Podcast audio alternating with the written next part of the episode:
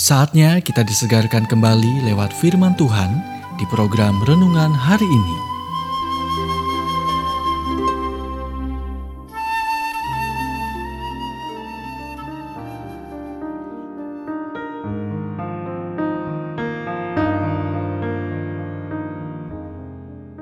Renungan hari ini berjudul Hari ini latihlah kerendahan hati.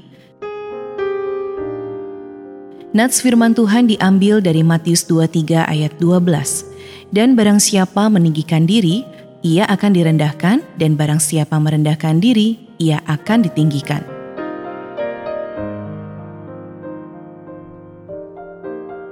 Paulus memiliki pelayanan yang menonjol dan menjangkau luas.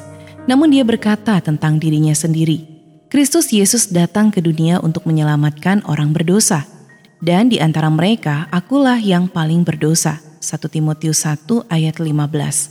Ketika orang-orang memberitahu Paulus betapa hebatnya dia, dia tetap rendah hati dengan mengingat dia dulu. Jika Anda percaya Tuhan telah memanggil Anda, respon Anda seharusnya adalah sujud dalam kerendahan hati di hadapannya.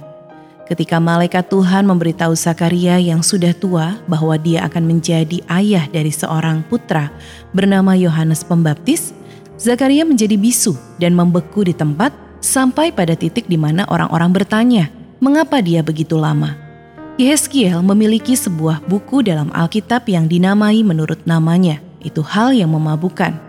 Namun ketika Tuhan memanggilnya, dia ambruk di lantai dan Tuhan harus menyuruhnya untuk bangun.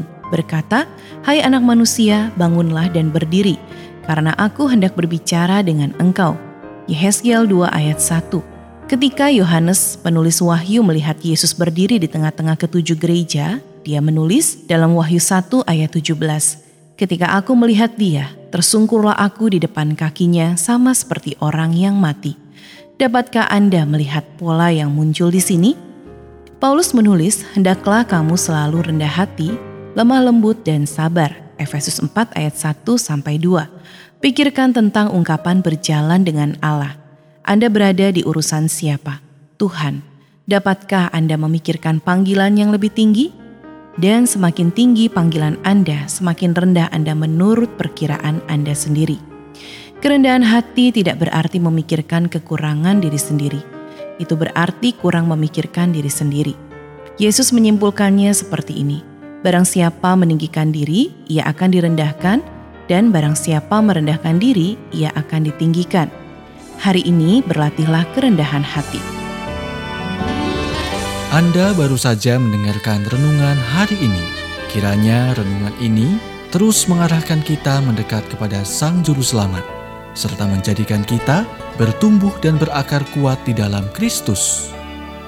Bila Anda diberkati, berikan kesaksian Anda melalui WhatsApp di 0817 222 959 atau jika Anda ingin memiliki buku renungan hari ini, Anda bisa dapatkan di Radio Suara Gerasi FM, Jalan Setiabudi 31 Cirebon.